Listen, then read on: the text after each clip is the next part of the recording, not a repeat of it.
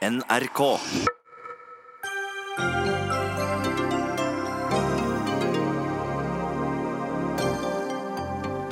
Raseri i Istanbuls gater. Opposisjonens valgseier er annullert. Vi trenger en utrydningsplan for å bli kvitt villsvin, sier Veterinærforbundet. Mener svina vil ødelegge helsa til både folk og fe. Samehets fikk Nordlys-redaktør til å stenge kommentarfeltet. Angrep på ytringsfriheten, mener Høyre-politiker. Og Stortinget må erklære nasjonalt klimakrise, mener Miljøpartiet De Grønne. Et god jul og godt nytt år-forslag svarer Klima- og miljøverndepartementet.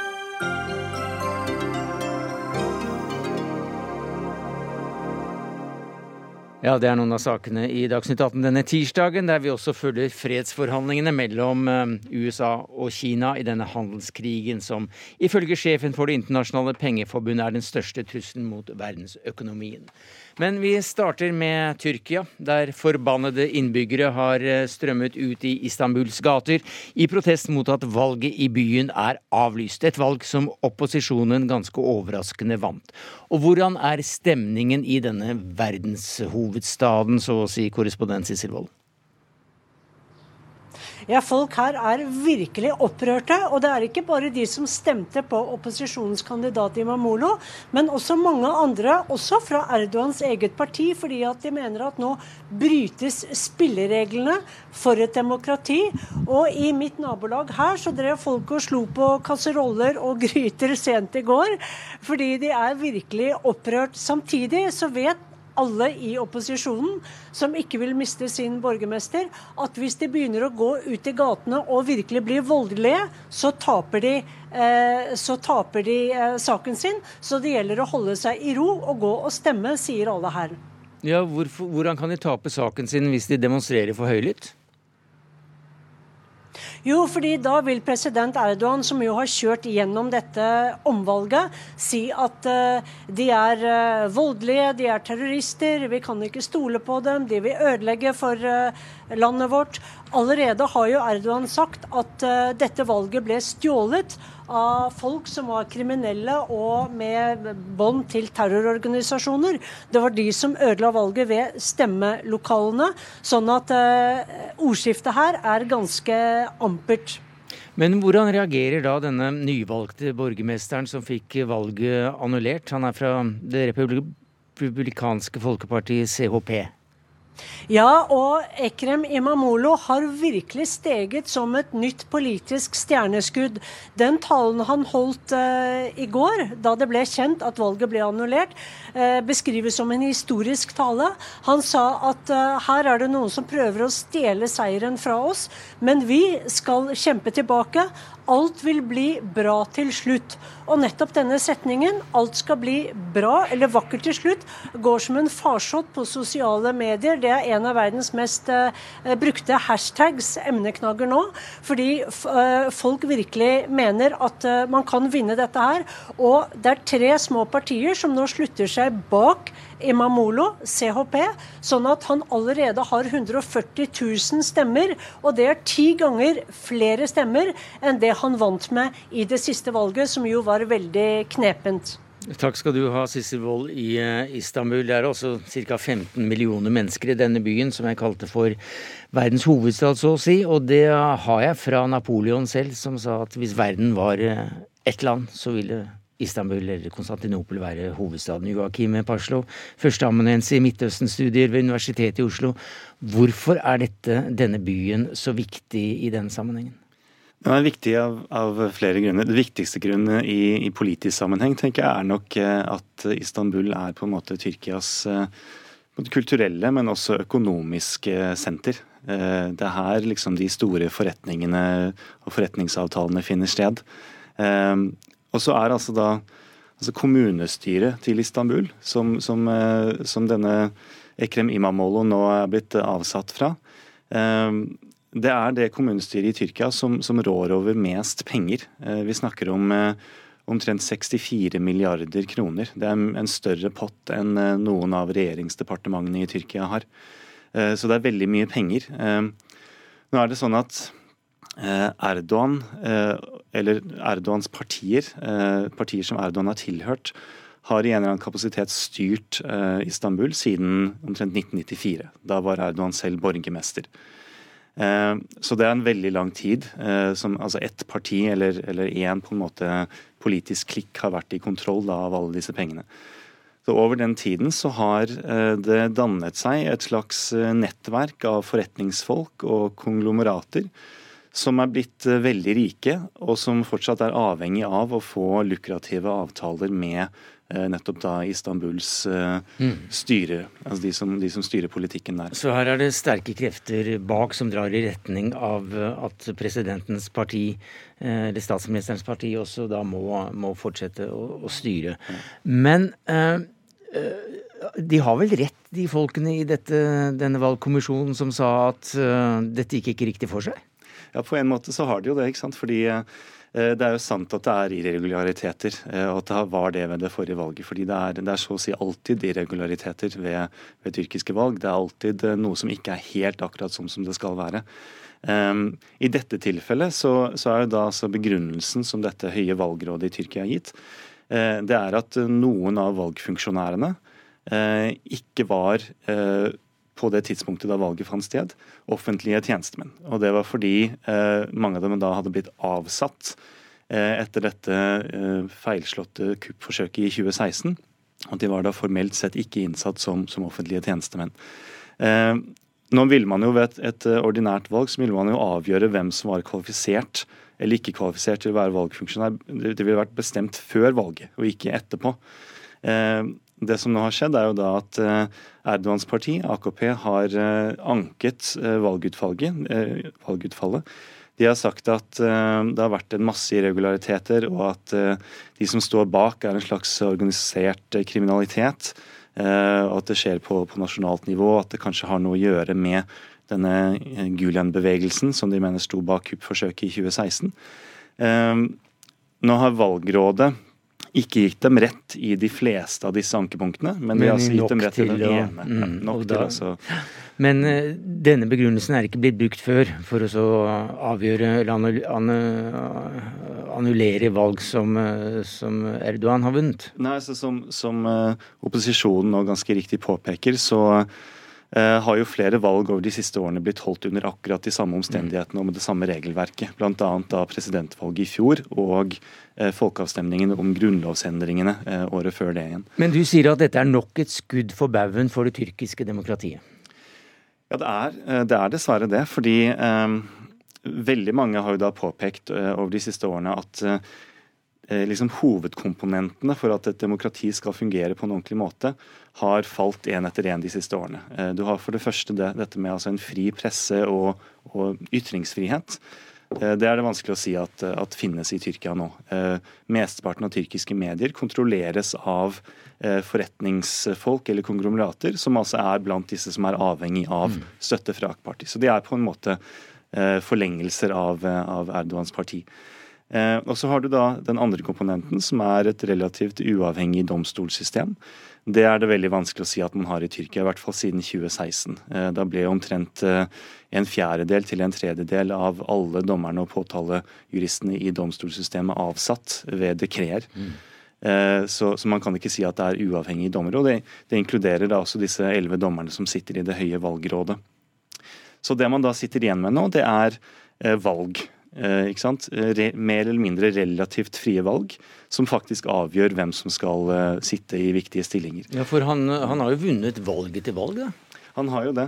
Eh, men, men, så kan man si at man må kvalifisere det også, fordi vi har jo nå allerede sett i ganske lang tid at f.eks. Eh, borgermestere som har vunnet valg i, i bydeler og byer sørøst i Tyrkia, og er blitt innsatt og senere har blitt fjernet ikke sant, fordi de anklages for å Eh, støtte PKK osv. Det har også nå skjedd etter det siste lokalvalget nå. Eh, flere eh, borgermestere som vant valget, og, og som da tilhører det prokurdiske partiet HDP, er nå blitt fjernet til fordel for AKP-borgermestere. Så det stemmer det, men, det stemmer jo da også at AKP har vunnet valg etter valg. Men nå, det er jo nettopp det som gjør dette valget så viktig. nettopp det at De, de tapte altså valget om Ankara og om Istanbul. Istanbul med veldig veldig liten margin. Men, men det var altså et, et tap, og det, det truer da Erdogans eh, makt på nasjonalt mm. eh, plan. Kort til slutt, eh, denne opposisjonsfiguren som altså akkurat i går, kanskje ikke i dag, var borgermester. Imamolo, blir det Tyrkias president en eller annen gang? Ja, det, det, er såpass langt inn i fremtiden at det blir vanskelig å si. Men, men man kan jo si at han, er, han har vist seg å være en veldig populær kandidat. Det har han. Han, han klarer å kombinere et, eh, et, image som en ganske effektiv og karismatisk fyr, med eh, en slags eh, seriøsitet og til og med et litt religiøst image, som viser seg å være ganske populært. Takk skal du ha, Joakim Paslov, førsteamanuensis i Midtøsten-studier ved Universitetet i Oslo. Dagsnytt 18 alle hverdager kl 18.00 på NRK P2 og NRK2.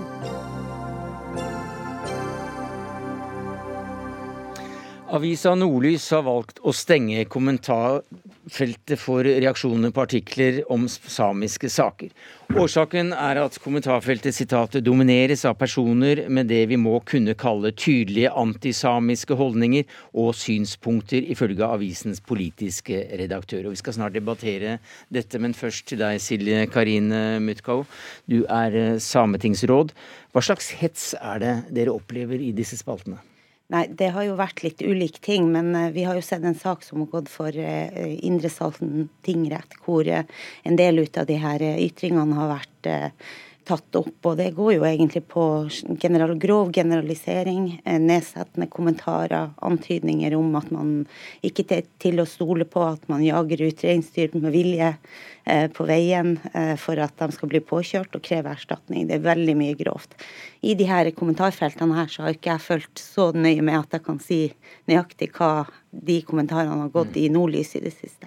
Men folk er altså redd for å bli angrepet, ikke for sine meninger, men som personer, skrives det. Kjenner du deg igjen i det? Jeg kjenner meg jo igjen i at det kan være noen ganger at de her debattene på mediene eh, i kommentarfeltene går over streken.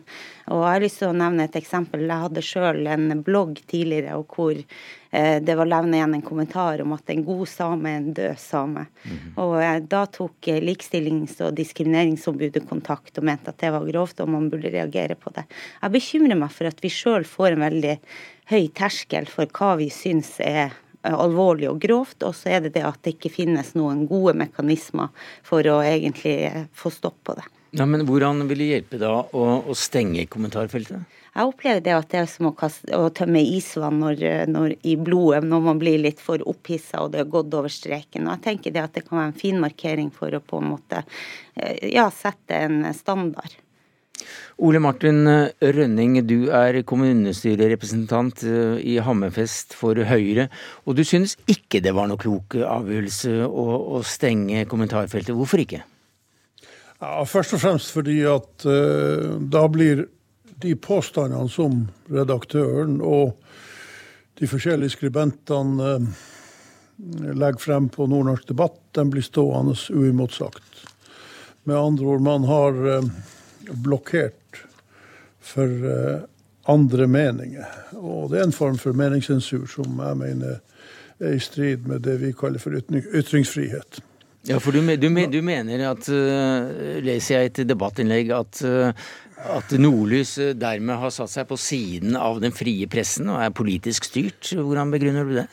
Ja, Politisk styring i Nordlys det har det nå stort sett vært hele tida.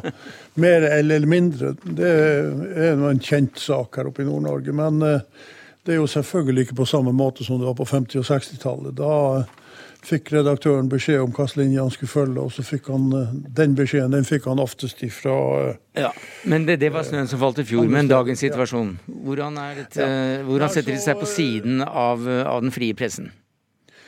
Først så vil jeg si at og Silje Katrine Motka hun snakker om hets mot samer.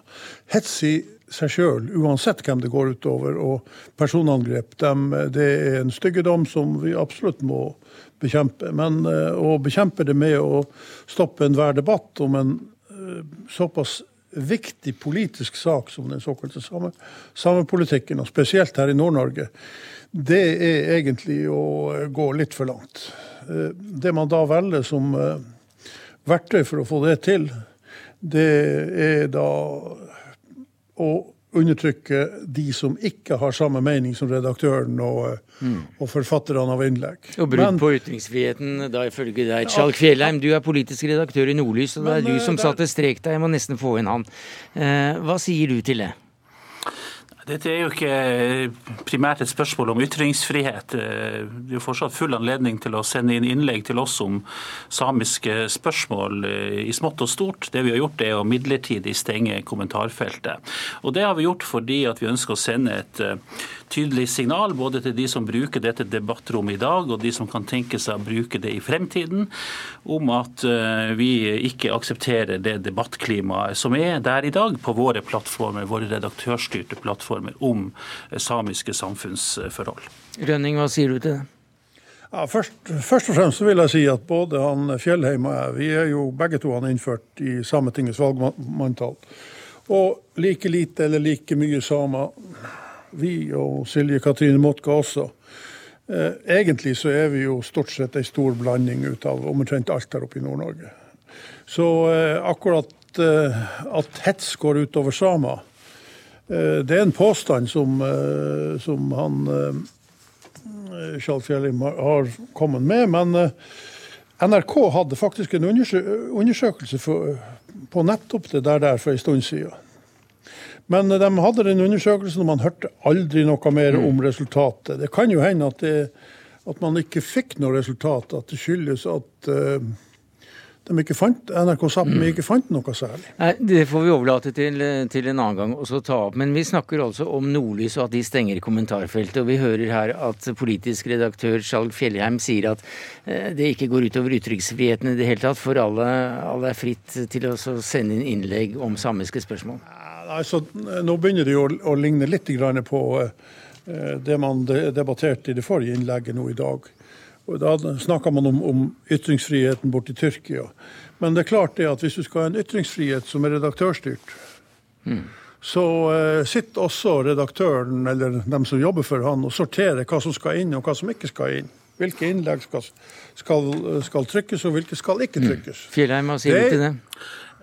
var det jo mye man kunne ha kommentert, men jeg tror jeg skal nøye meg med å si at eh, vi som avis, og det gjelder jo alle aviser, alle redaktører i dette landet, vi har jo ingen publiseringsplikt eller plikt til å publisere innlegg som et stort antall mennesker og folk, en folkegruppe, eh, i en folkegruppe opplever som støtende og trakasserende.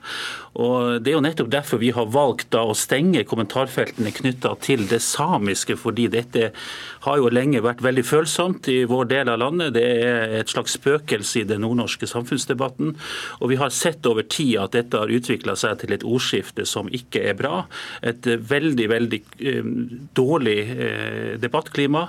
Og vi ser også at mange gir uttrykk for overfor oss at de ikke lenger våger å gå inn i dette debattrommet fordi tonen mot det samiske er så hard. Og det er klart Vi har også som redaktør et ansvar for å ivareta ytringsfriheten til de som sier at de føler seg utestengt pga. En, en hard eh, debattform. Rønning.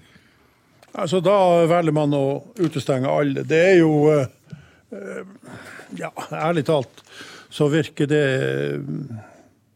litt overilt, ikke bare litt. Men akkurat når det gjelder det med utestengelse, så jeg har praktisert på Facebook i mange, mange år at kommer det noen med personangrep, hatytringer, eller nettopp det som han Fjellheim forsøker å ramme, ja, så tar jeg huker dem av, og så kaster jeg dem ut, og de kommer aldri til å se noe av det jeg skriver. Og heller, jeg vil ikke se hva de kommer med. De får rett og slett eh, ikke kommentere lenger. Ja, Fjellheim, jeg må bare avbryte deg der, for, for, her er vi inne på et vesentlig punkt. Du, du kunne vel ha, ha, ha røktet dette kommentarfeltet istedenfor å stenge det helt? Husk på at dette har et, eh, Selv om dette er ikke veldig mange personer det dreier seg om, så har det likevel et kolossalt eh, omfang. Eh, og jeg må innrømme at det å, å sitte Det er et kolossalt omfang fordi at de som er aktive i denne debatten, skriver en veldig stor mengde innlegg. Og jeg skal innrømme at det å røkte dette, det er en heldagsjobb. Ikke bare for én medarbeider, men, men, men flere. Og Det er også vurderinger vi er nødt, nødt til å gjøre. Det er veldig mange innlegg som er på kanten Eh, både av eh, norsk lovverk og også av pressens etiske regelverk. Og Vi ønsker altså nå å sende et tydelig signal til de som ønsker å ta del i debatt om samiske samfunnsforhold på eh, denne plattformen Nordnorsk debatt, som eies av Nordlys, om at de er nødt til å oppføre seg når de skal inn og snakke om det samiske. Mm. Rønning, hva mener du man går glipp av ved å stenge dette kommentarfeltet akkurat nå?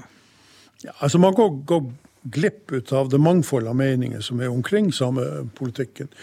I dag så eh, kan det se ut som at det i enkelte redaktørkretser er en form for populisme når det gjelder samiske forhold. Mm, Fjellheim han er jo som kjent også same, og det er per definisjon jeg. Og selv om eh, hadde Sametinget akseptert utmeldelse, så hadde jeg vært utmeldt for lenge siden. De nekta jeg måtte søke.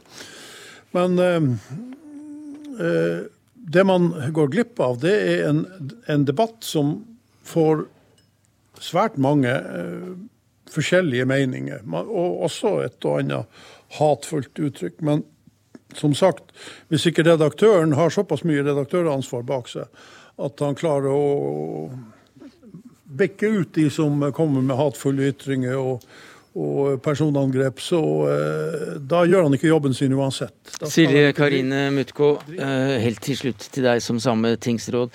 Uh, hva håper du for fremtiden når det gjelder akkurat slike kommentarfelt eh, i eh, Nord-Norges største avis? Jeg håper det at det skal være en frisk og en engasjert debatt eh, der vi er nøye med at vi ikke går over streken. Og det tror jeg egentlig at vi alle sammen kan eh, leve oss inn i hva vi ikke ville akseptere å lese om oss sjøl eller om vårt eget folkeslag. Så tenker jeg vi vet alle hva det er snakk om. Takk skal eh, du ha, Silje Karine Møtko, sametingsråd, Ole Martin Rønning, kommunestyrerepresentant i Hammerfest for Høyre, og Tjalg Fjellheim, politisk redaktør i Nordlys. Alle tre altså da medlem av uh, Samemanntallet.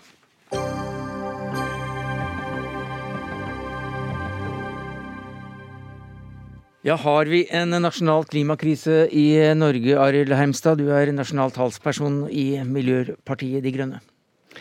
Eh, det tror jeg vi eh, kan slå fast. Vi har en eh, nasjonal og en global klimakrise. Og vi har også en krise for naturen. Den er i ferd med å gå konkurs. Vi er i ferd med å utrydde arter i et tempo vi aldri har sett før. Og dette er jo også satt ord på veldig tydelig denne våren av klimastreikerne med svenske mm. Greta Thunberg i spissen. Men nå snakker vi om deres parti, for dere har fremmet et, fremmer nå et forslag i Stortinget om at Norge må erklære både en nasjonal og global, global miljø- og klimakrise. Hva vil du med det? Jeg vil at vi skal endre retorikken vår. Jeg vil at vi skal snakke om dette som den krisen det faktisk er. Eh, og I forslaget vårt så ligger det også inne at vi skal følge dette opp med umiddelbare og omfattende tiltak. Det betyr at når vi nå snakker om dette som vår tids største utfordring, så høres det ut som noe litt sånn koselig som vi kan hygge oss med på fritiden, og som vi kan utsette til seinere. Men denne snikende klimakrisen og den miljøkrisen vi står overfor, den er akutt. Vi oppdager det bare ikke fordi at vi ødelegger naturen bit for bit, og mm. sakte, men sikkert så maler vi oss inn i et hjørne hvor klimaendringene blir, de mm. blir kollaps. Og det er det vi må ut av. Og så SV har da fremmet et lignende forslag, eller skal fremme. Men ellers får dere vel kanskje ikke så mye støtte? Eller hva sier du som Miljøpartiet Venstres representant eh, i regjering, som statssekretær i eh, Miljødepartementet, Sveinung Rotevatn? Eh, jo, Det kan vel hende vi får nå lese forslaget først. da. Eh, vi får ta det forbeholdet og ikke si nei til ting vi ikke har lest ennå. Eh, så det skal vi lese med interesse. Men eh, hvis formålet bare er å liksom, eh, vedta en resolusjon om at eh, nå erklærer vi klimakrise, eh, så ser jeg ikke helt formålet med det. Altså Nå sier jo Hermstad fra MDG her at formålet er å endre retorikken. Men i så fall så er det jo eh, seint ute. Eh, altså Senest i vinter så skrev jo statsministeren sjøl en eh, kronikk som hadde tittelen 'Klimakrisen er reell'. Klima- og miljøminister Ola Elvestuen snakker jo om klimakrise i alle møter jeg ser han snakker i. For det er ingen tvil om at de står for en ekstremt alvorlig situasjon, og jeg deler jo beskrivelsen Hermstad gir av den. Mm. Så det er en nasjonal klimakrise? En global klimakrise? Det er definitivt en klimakrise. nasjonal og global? Ja, jeg mener jo det, men det er jo ikke mm. spørsmålet. Spørsmålet er hva gjør vi med det? Og Det som er Stortingets rolle, det er å vedta lover, det er å vedta budsjett og det er å kontrollere regjeringa. Alle de tre er enormt viktige for å gjennomføre klimapolitikk. Men hvorfor kaller du da dette for et uh, god jul og godt nyttår-forslag? Ja, Det er jo det jeg oppfatter det som. nå. Eh, hvis Stortinget bare skal vedta at nå er det klimakrise. Mm. Eh, det jeg håper Stortinget kan vedta, det er jo offensiv klimapolitikk. Mm. Og vi er jo stadig i Stortinget med ulike klimapolitiske forslag, og der opplever jo vi at det er jo ganske stor uenighet om dem. Det er heldigvis stort sett enighet om at vi står i en klimakrise og må håndtere den. Mm. Men hvordan vi gjør det, det er det ganske stor politisk uenighet om, og det bør en diskutere. Altså, nå har jo eh, Denne regjeringen vi har nå, den har faktisk flertall i Stortinget. Så hvis regjeringen eh, vil, så bør jo den eh, få med seg flertallet i Stortinget på en ordentlig klimapolitikk. Og når jeg sier at retorikken var på plass, så er det jo fordi at politikken er ikke på plass. Regjeringen har ingen god plan for å kutte klimagassutslippene og halvere de, og mer enn halvere de de neste elleve årene. Men det vil også ikke hjelpe å vedta at uh, Norge har en nasjonal klimakrise, eller verden har det. Det er et god, god, uh, god jul og godt nyttår-forslag. Poenget er at hvis man i det ene øyeblikket vedtar at man har en krise, så kan man ikke komme med et forslag dagen etterpå som forsterker den krisen. Jeg kan ikke huske at det ble gjort når vi hadde finanskrise for noen år siden. Jeg kan ikke huske at man gjør det når man har beredskapskriser. Da gjør man de tiltakene som er nødvendige for å bekjempe krisen. Så retorikken er viktig her. Og det gjør rett og slett ikke den regjeringen vi har i dag. Og Derfor så må Stortinget sende et tydelig signal til flertallsregjeringen om at dette ikke er holdbart. Regjeringa gjør mye for å få ned klimagassutslippene i Norge. og vi, Bare denne våren her så har vi vært i Stortinget med to viktige forslag. Det ene er at vi skal slutte med nydyrking av myr og slutte å få de klimagassutslippene der oppe i lufta. Det fikk vi vedtatt, mot kraftig opposisjon fra Senterpartiet og Arbeiderpartiet, som MDG har lyst til å sette inn i regjering. Nå har vi levert et nytt forslag om at vi for første gang skal ha bindende, forpliktende klimamål for Norge. Som skal skjerpe klimamålene våre fram mot 2030 i samarbeid med EU. Det var eh, statsråden senest for to uker siden diskuterte med SV i dette studioet, for det er SV veldig imot, også Senterpartiet. Dette er jo politikk, og dette er partiene uenige om, selv om de heldigvis er enige om at Men, vi skal takle klimakrisen. Men det er altså da også partier som ikke er til stede? Ja, det er bare viktig å si at hvis vi skal um, følge opp det som klimastreikerne har sagt, så er vi nødt, nødt til å gjøre noe med oljeindustrien. Den regjeringen vi har nå, den åpnet et nytt oljefelt i forrige uke. Det skal produsere klimagassutslipp de neste 50 årene. Eh, og man fortsetter å lete etter mer. Samtidig så åpner man nye motorveier hele tiden, som bygger ned natur. Man åpner nye hyttefelt. Eh, man har ikke gjort en kursendring som tilsier at det finnes noe som helst tegn til krise. Eh, og det er vi nødt til å få en slutt på. Vi er nødt til å skaffe flertall for den endringen som må til. Vi har sett at flere parlamenter gjør det. Både Storbritannia, Wales, Skottland har gjort lignende vedtak. og det er ikke lenger nok å på en måte si at vi gjør noen fine småting. Vi er nødt til å ta den store diskusjonen jo. om hele samfunnskrisen. Men du hører jo Rotevatn sier seg enig i at det er både nasjonal og internasjonal klimakrise. Og Da skjønner ikke jeg hvordan han kan sitte i regjering og forvalte en politikk som forsterker den krisen. Eh, jo... Men Hadde det hjulpet hvis de da hadde et stortingsvedtak i ryggen som sa at det faktisk var det? Jeg mener det. At hvis vi får et flertall på Stortinget for et sånt forslag, så vil man kunne måle den regjeringen som til enhver tid sitter, på om Forsterker vi nå denne krisen, eller løser vi denne krisen? det er kanskje, kanskje et redskap dere kunne ønske dere? Nei, Det er jo ikke et redskap, det er jo bare på en måte en prinsipperklæring. Men, men dette er jo ikke deres egen idé. altså Dette er jo inspirert fra et vedtak som ble gjort i Storbritannia. og Jeg har jo sett litt på det. og nå er jeg ikke ekspert på britisk parlamentarisme, men det at de vedtar at det er klimakrise der, er så vidt jeg har forstått, noe som betyr absolutt ingenting. Men det de også vedtok, er at de ba regjeringa gjøre en del konkrete tiltak, og det er interessant. En av tingene parlamentet ba den britiske regjeringa gjøre, er å få fortgang i satsinga på karbonfangst og -lagring. Senest for to uker siden så annonserte denne regjeringa at vi skal bruke 345 millioner kroner på å bore en ny brønn ut i Nordsjøen for nettopp gjøre det. Vi ligger helt fremst i verden på den teknologien. Det kan bli både en viktig norsk eksportartikkel, og det sier FNs klimapanel er helt nødvendig for å klare å bekjempe klimaendringene. Og Jeg kan nevne en masse andre forslag som vi gjennomfører, men poenget mitt er at det er det vi må må gjøre. Ikke bare snakke om klimakrisen, men håndtere den, løse den, bekjempe den. Men det hjelper også å snakke om det og gjøre vedtak i Stortinget, ifølge Miljøpartiet De Grønne. Og når kommer dette forslaget? Dette forslaget kommer i juni. Da skal vi behandle klimastreikernes krav. og Da håper vi at eh, resten av Stortinget forstår at dette ikke bare handler om retorikk, men at det også er konkret politisk oppfølging. Takk skal du ha, Arild Hemstad, nasjonal talsperson i Miljøpartiet De Grønne. Takk til deg, Sveinung Rotevatn, statssekretær i Klima- og miljødepartementet.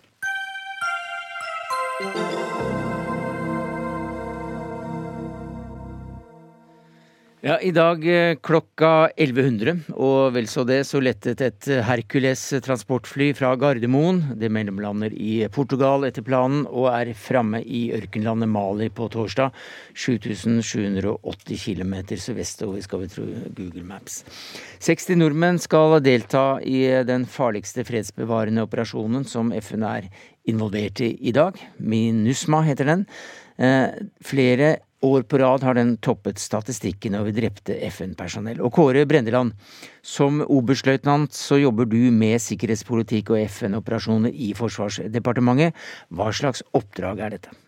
Ja, altså Transportfly i MINUSMA, som du er inne på, dette er jo en, veldig, veldig, en av FNs mest farlige operasjoner med ganske høye tapstall, som først og fremst er relatert til angrep langs veiaksene på personelltransporter, last osv. Så, videre. så så norske transportfly er en viktig etterspurt kapasitet i, i MINUSMA ved at eh, det styrker personellsikkerheten ved at det rett og slett reduserer avhengigheten av, av disse konvoiene langs landeveien i Mali. Eh, samtidig som det selvfølgelig også er en viktig ressurs i forhold til medisinske evakueringsoperasjoner osv.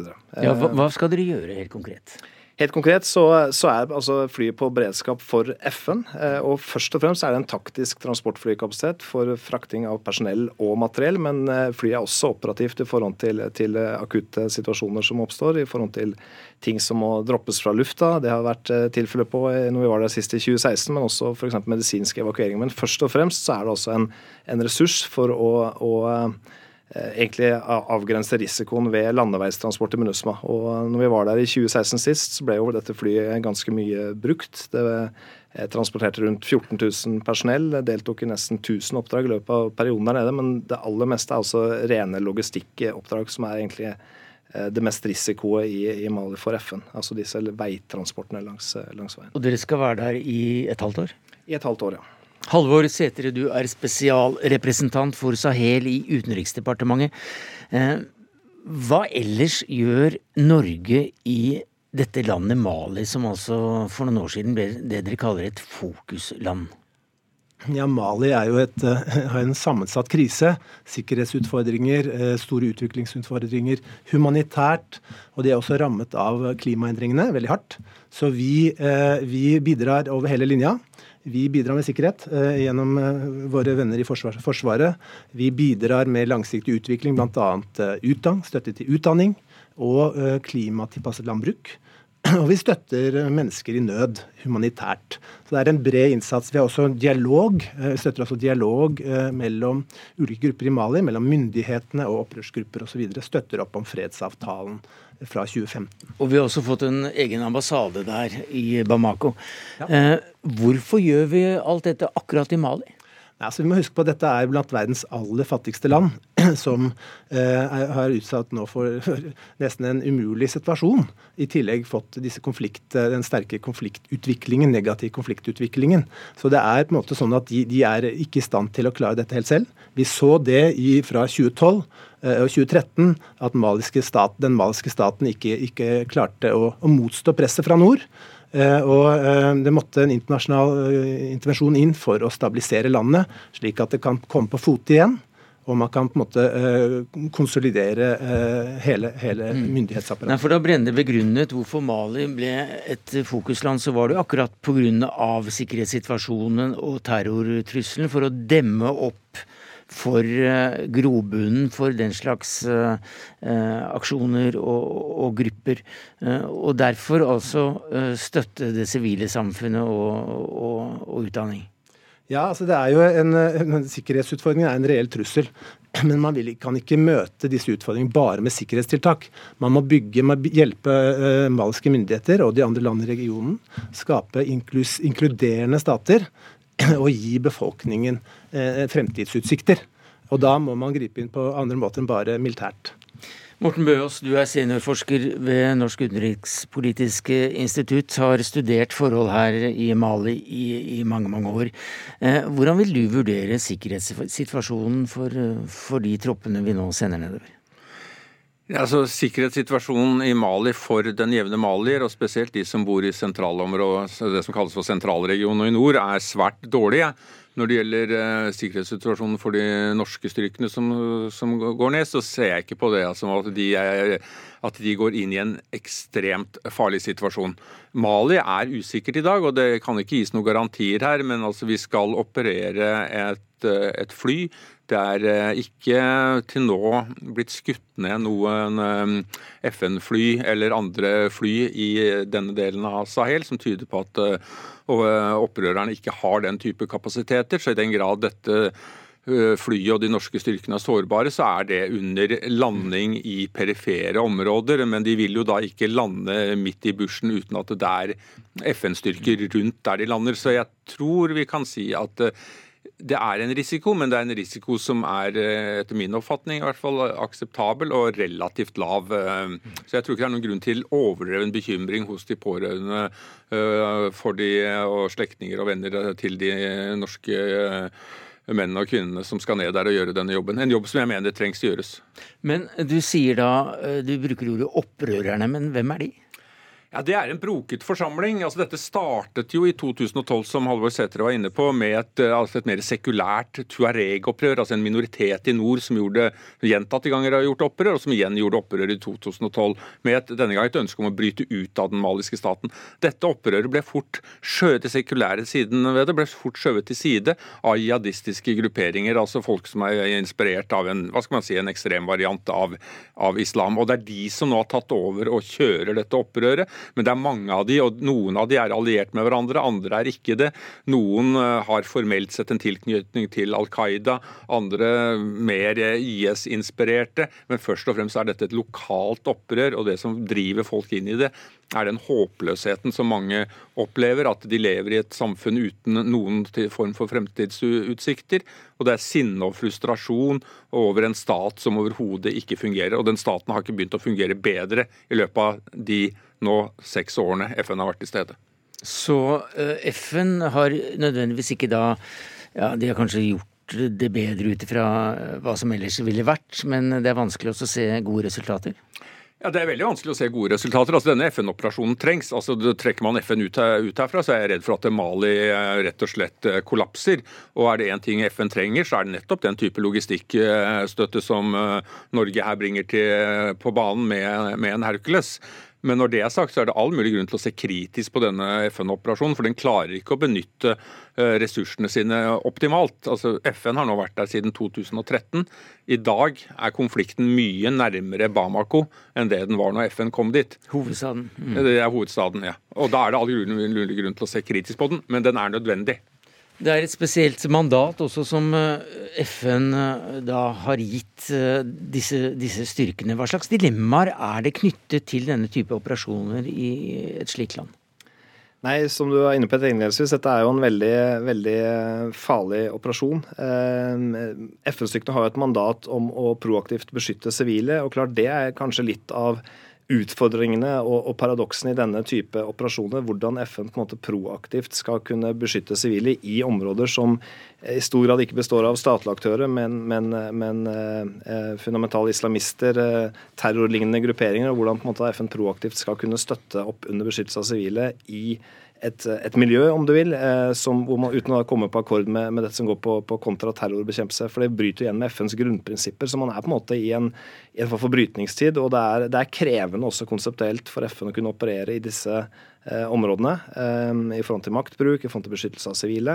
Men man kan også si at MINUSMA er på mange måter en, vil jeg hevde, en form for lakmustest på FNs evne også fremtiden til å kunne operere i denne type konflikter. Dette ligger jo egentlig på et politisk strategisk nivå, men, det, er, krevende for, for, for FN-styrkene eh, å, å, håndtere eh, den type aktører de står for i Mali, basert på de vanlige FN-prinsippene for hvor man driver fredsoperasjoner. Og Hvis dette er en lakmustest, hva, hva sier det deg? Foreløpig så sier den at vi ikke har funnet de løsningene. Og jeg er jo eh, bekymret for hvordan dette skal gå fremover. fordi at det som skjer nå, er at FN er til stede. Vi forhindrer et kollaps. Men eh, vi kommer ikke videre, og det betyr at vi på mange måter har satt Mali på eh, internasjonalt kunstig åndedrett. Forhindrer kollaps, men finner ingen løsninger. Og man er nødt til å, Skal man løse denne konflikten i Mali, bidra til å løse den, så er vi nødt til å bli flinkere til å finne måter å gi mennesker håp gjennom å gi dem mm. adekvat human beskyttelse. Og Da må FN ha et sterkere nærvær lokalt der hvor jihadistene opererer. Det vil dessverre føre til at FN på kort og mellomlang sikt før man finner en løsning på dette, må være forberedt på å ta enda høyere tapstall enn det man tar i dag. Dette er en alvorlig situasjon for Mali, for FN, men også for hele verden, faktisk. Men uh, samtidig som da jihadistene skaper uh, voldsomme problemer, så, så, uh, så, drepes jo også folk i et stort antall av andre årsaker i, i Mali. Altså I mars ble 160 mennesker drept i det største angrepet, men det var ikke ledet av eh, jihadister. Og Hvordan forklarer du det, Halvard Sætre, som spesialrepresentant for Sahel i, i UD, så kjenner du jo området godt? Ja, altså det er riktig det at uh, vi har uh, skal vi si, konflikter mellom befolkningsgrupper i Mali. Det har man for så vidt hatt i århundrer uh, opp gjennom historien. Men det disse jihadistene har gjort, er at de har lykkes med å nøre opp under disse konfliktene og sette grupper aktivt opp mot hverandre. og Da får du aksjoner og hevnaksjoner og en negativ spiral. Så Det er derfor man også må, eh, ved siden av å eh, bekjempe jihadistene, så må man også eh, investere mer i politiske forsoningsprosesser mellom myndighetene og disse gruppene, og mellom disse gruppene i seg. Bøs. Ja, hvis Jeg bare kan få lov til å legge til, jeg er helt enig i det bildet som Halvor Sætre her peker eh, på, men det må jo også legges til her at her må det også en, rettes en sterkere krav overfor den maliske regjeringen. For det er ingen tvil om at deler av disse militsene som har operert her, de har eh, fått støtte av eh, regjeringen for å operere mot islamistene, men disse våpnene har også blitt brukt inn i alle de feidene over land og vannrettigheter som islamistene også har nøret opp under. Så dette er en nedadgående, ekstremt destruktiv, voldelig spiral som man er nødt til å få kuttet over i denne delen av Mali. Men hvordan skal dette gå til slutt, eh, da, Bøås? Altså, da Mansa Musa dro til Mekka i 1324, så hadde han med seg 15 tonn gullstøv og 20 000 eh, medløpere. Altså, det har vært et voldsomt ressurssterkt rike. Det har vært det, og det kan det kanskje bli en gang til. Men altså først må man det første steget må være altså man forbedre sikkerhet. Bidra til en eh, styrking, men en legitim styrking av den maliske staten, sånn at malere begynner å tro på staten sin, igjen. Så må man uh, satse på mm, det som uh, Halvor Sæter var inne på, altså en, eh, gjøre Mali mer eh, motstandsdyktig mot klimaendringene som kommer. Og så må man begynne å adressere den elefanten i rommet som ingen vil snakke om, nemlig den eksplosive befolkningsøkningen i denne delen av Afrika. Takk skal du ha, Morten Bøås, seniorforsker ved NUPI, Halvor Sæter, spesialrepresentant for Sahel i Utenriksdepartementet, Kåre Brendeland, oberstløytnant i Forsvarsdepartementet. Hør Dagsnytt 18 når du vil Radio NRK Radio.nrk.no.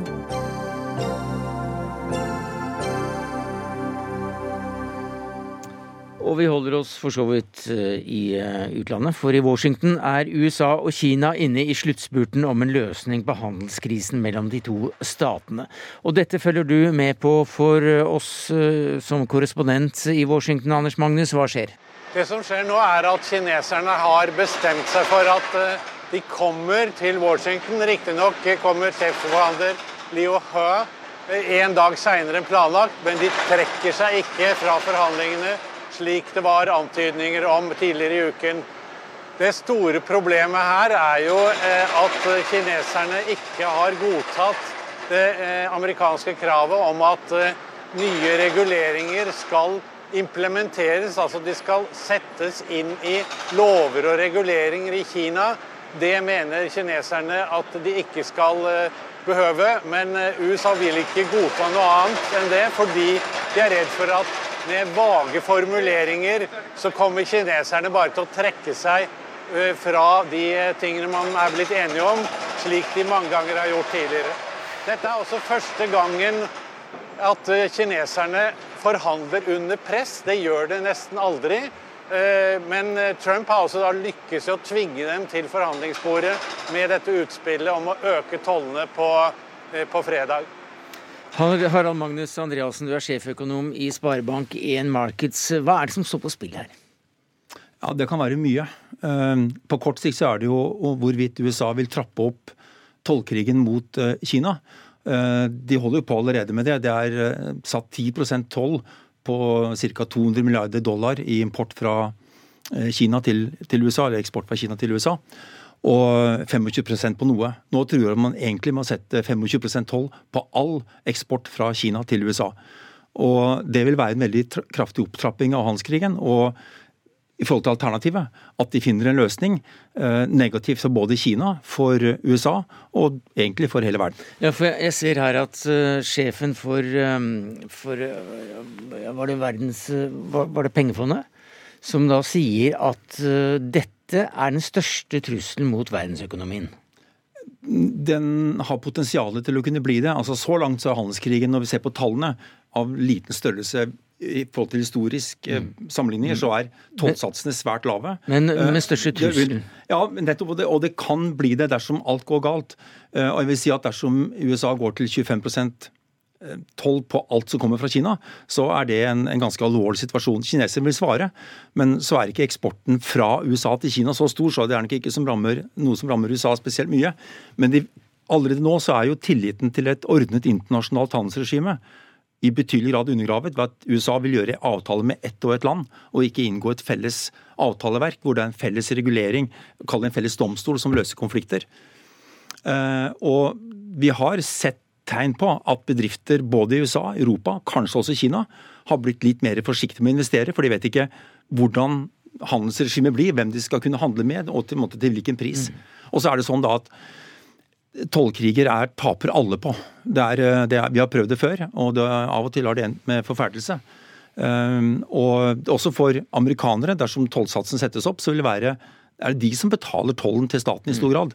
For at, at kinesiske varer blir dyrere når de kommer i butikkene i USA. Men foreløpig så går jo da økonomien i USA veldig godt, og arbeidsledigheten går vel ned. Så dette er vel ganske populære tiltak, hvis man spør den gjengse amerikaner, Anders Magnus?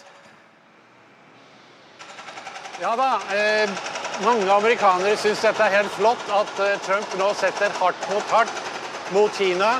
Men i næringslivet er man selvfølgelig veldig bekymret for eh, at dette skal føre til en global krise med mindre eksport og eh, omsetning av varer totalt sett. Eh, ikke bare her i USA, men i hele verden. Og vi ser jo en antydning om problemene i dag, hvor Børsene i USA har gått kraftig ned. De gikk jo kraftig ned i går også, men så opp igjen. Men nå har de gått ytterligere ned. Så det er nok flere som nå får med seg den eh, trusselen om en, uh, en skikkelig smell i verdensøkonomien hvis de ikke klarer å bli enige om en handelsavtale mellom USA og Kina. Det smeller litt bak deg der du står i, i Washington også, Anders Magnus. Takk for at du, du var med oss. Hvem er det som sitter med de beste kortene i disse forhandlingene? Trump tror nok at han sitter på gode kort, eh, men jeg tror egentlig at han ikke skjønner hvilke kort han sitter med, eller hvordan de vil virke hvis han spiller dem. Eh, og det er slik her at eh, en, en handelskonflikt som jeg sa i sted, det er noe alle parter taper på. Det er nok også sånn at Kina bør ordne opp en del ting i sin økonomi og sin måte å, å handle på. Han har sagt med andre. Men USA har et stort underskudd mot Kina, men Kina har igjen et stort underskudd mot andre land, slik at Kina samlet sett går i balanse. Det er ikke slik at Kina har en handelspolitikk som er helt urimelig, når vi ser på handelsbalansen, som det var Trumps utgangspunkt. Han mente at USA tapte på at Kina gikk med, med overskudd mot USA. Det er en, en, forståelse av handel som, er helt, altså, som vi ikke har sett blant styrende myndigheter i, i moderne tid. Det virker ganske logisk på mange av oss som ikke har noe greie på det? Ja, det er det de gjør. Og det er derfor du må ha studert litt økonomi for å skjønne at det faktisk eh, at underskuddet er konsekvens av helt andre ting enn handelsavtaler, og at handel er noe vi tjener på i det store og det hele, så har global, globaliseringen vi har hatt, har vært noe som verdens befolkning har hatt en enorm gevinst av. Den er ikke jevnt fordelt, og av og til veldig urettferdig fordelt. Men det er ikke en direkte Det er mer som en konsekvens av annen politikk som har fungert dårlig, enn globaliseringen. Okay. Men Andreasen, sett nå at du sitter i det rommet der disse to partene eh, forhandler. God idé. Ja, Det er en kjempegod idé, sikkert. Eh, hva vil du observere da? Altså, hvordan foregår det? Hva er det de sier? Hva, hva er det de skal finne en enighet? Jeg har ikke erfaring for sånne forhandlinger. Jeg skal være forsiktig med å si hvordan de fungerer i praksis. Dette er diskusjoner om en del konkrete forhold. Dels er det om Kina skal kjøpe mer fra USA. En, en litt sånn tåpelig problemstilling. Kjøpe mer soyabønner, mer naturgass, mer olje. For, å, for, at handelsbalansen skal se bedre ut mot Kina. Men hvis USA selger sitt til, varer til Kina, så blir det solgt mindre til andre. Eller USA må importere mer fra andre, så det har ikke en ting å si for summen. Det er mange sånne symboltiltak som Trump har vært opptatt av. Men så er det noen seriøse diskusjoner som går på ja, nettkriminalitet. Det går på subsidier til næringslivet, og det går på hvilken rolle staten i Kina skal ha i økonomien. Og dypest sett så dreier det seg om egentlig hvem er det som skal være den største, eller sitte på den største sandhaugen. Den kinesiske økonomien er i dag den største i verden. Og med mindre USA bokstavelig talt bomber Kina tilbake til senalderen, så blir Kina det største landet i verdensøkonomien herfra til evigheten. For det er et stort land som holder grenser samlet. Og det er vanskelig for USA å erkjenne det. og erkjenne at det er blitt en annen storebror, en annen hegemon i verdensøkonomien. Og der ligger det nok mange uløste konflikter. Og de kan slå ut på mange ulike områder i årene som kommer. Takk skal du ha, Harald Magnus Andreassen, sjeføkonom i Sparebank1 Markets.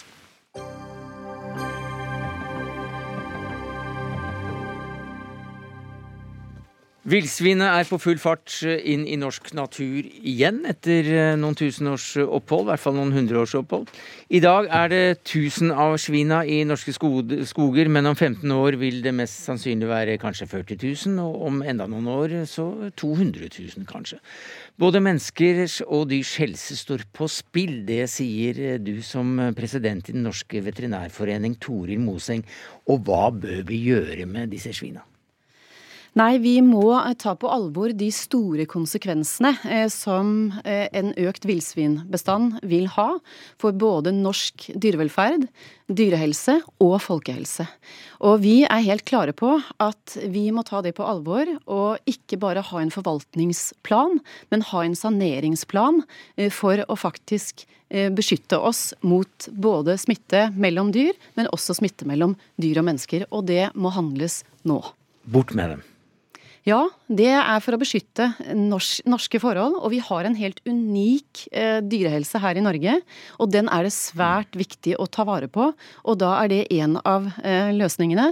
Det er å bli kvitt denne fremmedarten, som heldigvis ikke har fått utbredt seg voldsomt per dato. Så Veterinærforeningen vil da altså ha en utrydningsplan, mens det departementet og, og du eh, driver med, det er å utarbeide en handlingsplan. Olaug Bollestad, du er landbruks- og matminister. Hva sier du til å bytte korta litt, og så heller lage en utrydningsplan?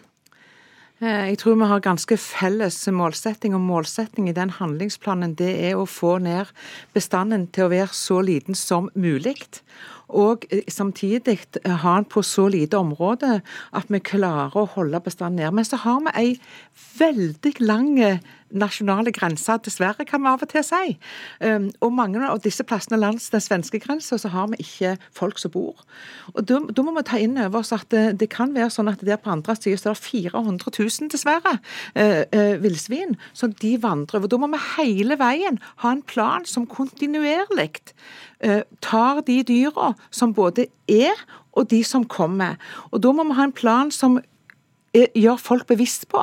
Både bønder, eiere av jord, de som skal jakte, og vi som forvaltning. At vi i fellesskap jobbe for å få den bestanden til enhver tid så liten. Men vi klarer ikke å holde dyret. Når det er mye på ene sida, så går han ofte over. Og da må vi hele veien jobbe for den målsettingen som jeg er enig i. Fordi det er en stor utfordring både for dyr og folk.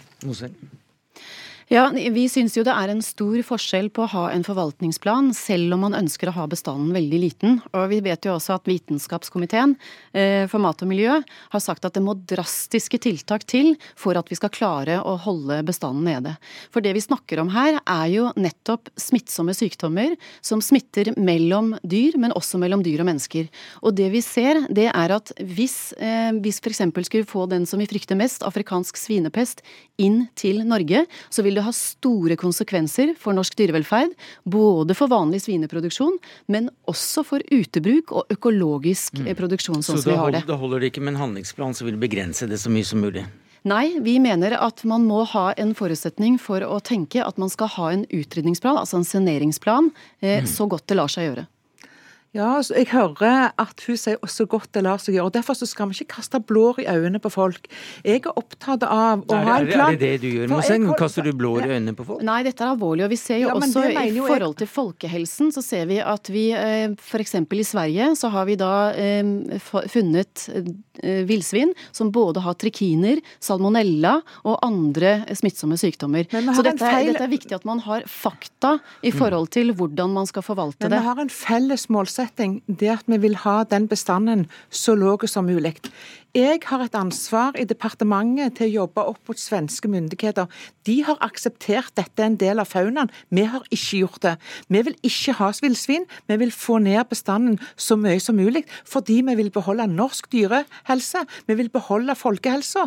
Vi må jobbe internasjonalt. Og vi må gi folk en opplysning om at når vi reiser, eller vi tar inn avløsere, folk som hjelper oss, så må vi vite, eller kaste eh, papir etter kjøtt fra utlandet, så kan vi være med og overføre smitte mm. som disse dyra får i seg, som vil være en utfordring. Mm. Så jeg er helt enig, men vi må ha tiltak som er der kontinuerlig. Og så er målsettingen ja, Hvilke tiltak er de viktigste tiltakene, bortsett fra å passe på at røkter ikke går over grensen med, med jeg smitte? Mener, jeg mener at vi er nødt for å ha uh, samarbeid med grunneiere, med, med jegere. For det er ikke bare å skyte inn i en villsvinsflokk, det er vi ganske enige om. Fordi vi må klare å holde flokkene samla sånn at vi klarer å ta ut mm. alle når vi har dem. Vi er nødt for å få kunnskap ut til folk, så de får opplysning når de reiser, eller hvordan de kaster, eller hvordan de tar ting. Og i tillegg så må vi ha internasjonalt samarbeid. Mm. For vi er interessert i å få den bestanden. Ja, gjerne utrydda, men vi må iallfall ha en målsetting om ja, det har vi fått med oss. Mm. Ja, det er vi veldig enig i at vi ønsker å ha eh, så få som mulig. Og vi har en lang grense til Sverige. Men du hørte tiltakene som nå skal settes i verk. Syns du det er nok? Vi mener jo at vi må ha en konkret saneringsplan, sånn at vi vet at det er det som faktisk myndighetene ønsker å ha. For hvis vi har en forvaltningsplan, så blir det en litt mildere måte å gjøre det på. Og hvis vi ser på svensk fauna, så ser vi at svenskene aksepterte denne fremmedarten inn i 1980 og har store problemer i dag.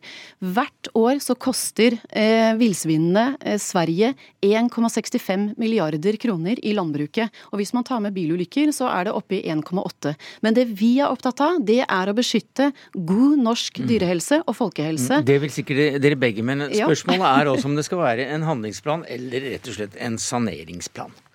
Men for meg så er kjære dere, holdt jeg på å si, det er jo ikke hva planen heter, det er jo målsettingen i planen. Og vi har en felles målsetting, at vi vil utrydde villsvin så langt vi kan i vår fauna. Og vi vil ikke akseptere villsvin som en del av vår fauna.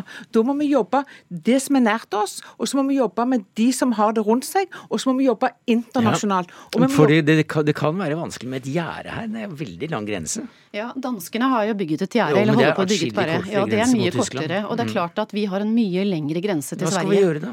Nei, vi mener at en konkret plan og en nulltoleranse eh, skal være. Og det er klart at grensen, så der vil ikke dyrene se den grensen. Men hvis vi likevel har en konkret plan for å ha nulltoleranse og en saneringsplan, så mener vi at vi vil beskytte norsk dyrehelse og folkehelse på en mye bedre måte. Flere veldig... jegere langs grensen, da? Eller hvordan Nei, det gjør det ikke, men man må jo sette og jeg er helt enig med Bollestad at her er det jo viktig å snakke med grunneiere. Det er viktig å ha en god veterinærberedskap. Yes. Det er viktig at man samhandler, og ikke minst også opplyser folket i forhold til hva er problematikken her. Men du sanerer jo ikke en, eh, en bestand ved å gå inn på samarbeid etc. De må jo tas ut? Ja, det er rett og slett at man må eh, skytes eh, og jakte på. Og der er flere konkrete tiltak som vi er nødt til å sette i gang. Selvfølgelig da i samarbeid med grunneier. Men det vi, vi ønsker er å ha en klar styringsplan fra myndighetene, sånn at vi kan få iverksatt dette så raskt som bare mulig. Og det er jeg sikker på at Bollestad sier kommer til høsten? Nei, jeg mener at vi har lagt inn penger allerede nå i jordbruksoppgjør. For det vi mener Men handlingsplanen kommer til høsten? Ja, handlingsplanen kommer, men det betyr ikke at vi er handlingslamma nå. Mm. Det betyr at vi kan òg skyte nå. Og det betyr at vi må hjelpe folk til å ta ut prøver, mm. nettopp for å få kunnskap som veterinærene er opptatt av. Takk skal du ha, Olaug Bollestad, landbruks- og matminister. Takk til deg, Toril Moseng, president i Den norske veterinærforeningen. Det var det vi rakk i eh, Dagsnytt 18 denne tirsdagen. Takket ansvarlig for det hele, Simon Skjelbostad Yseth. Det tekniske ansvaret hadde Eli Kyrkjebø. Jeg heter Sverre Tom Radøy. Vi høres igjen i morgen.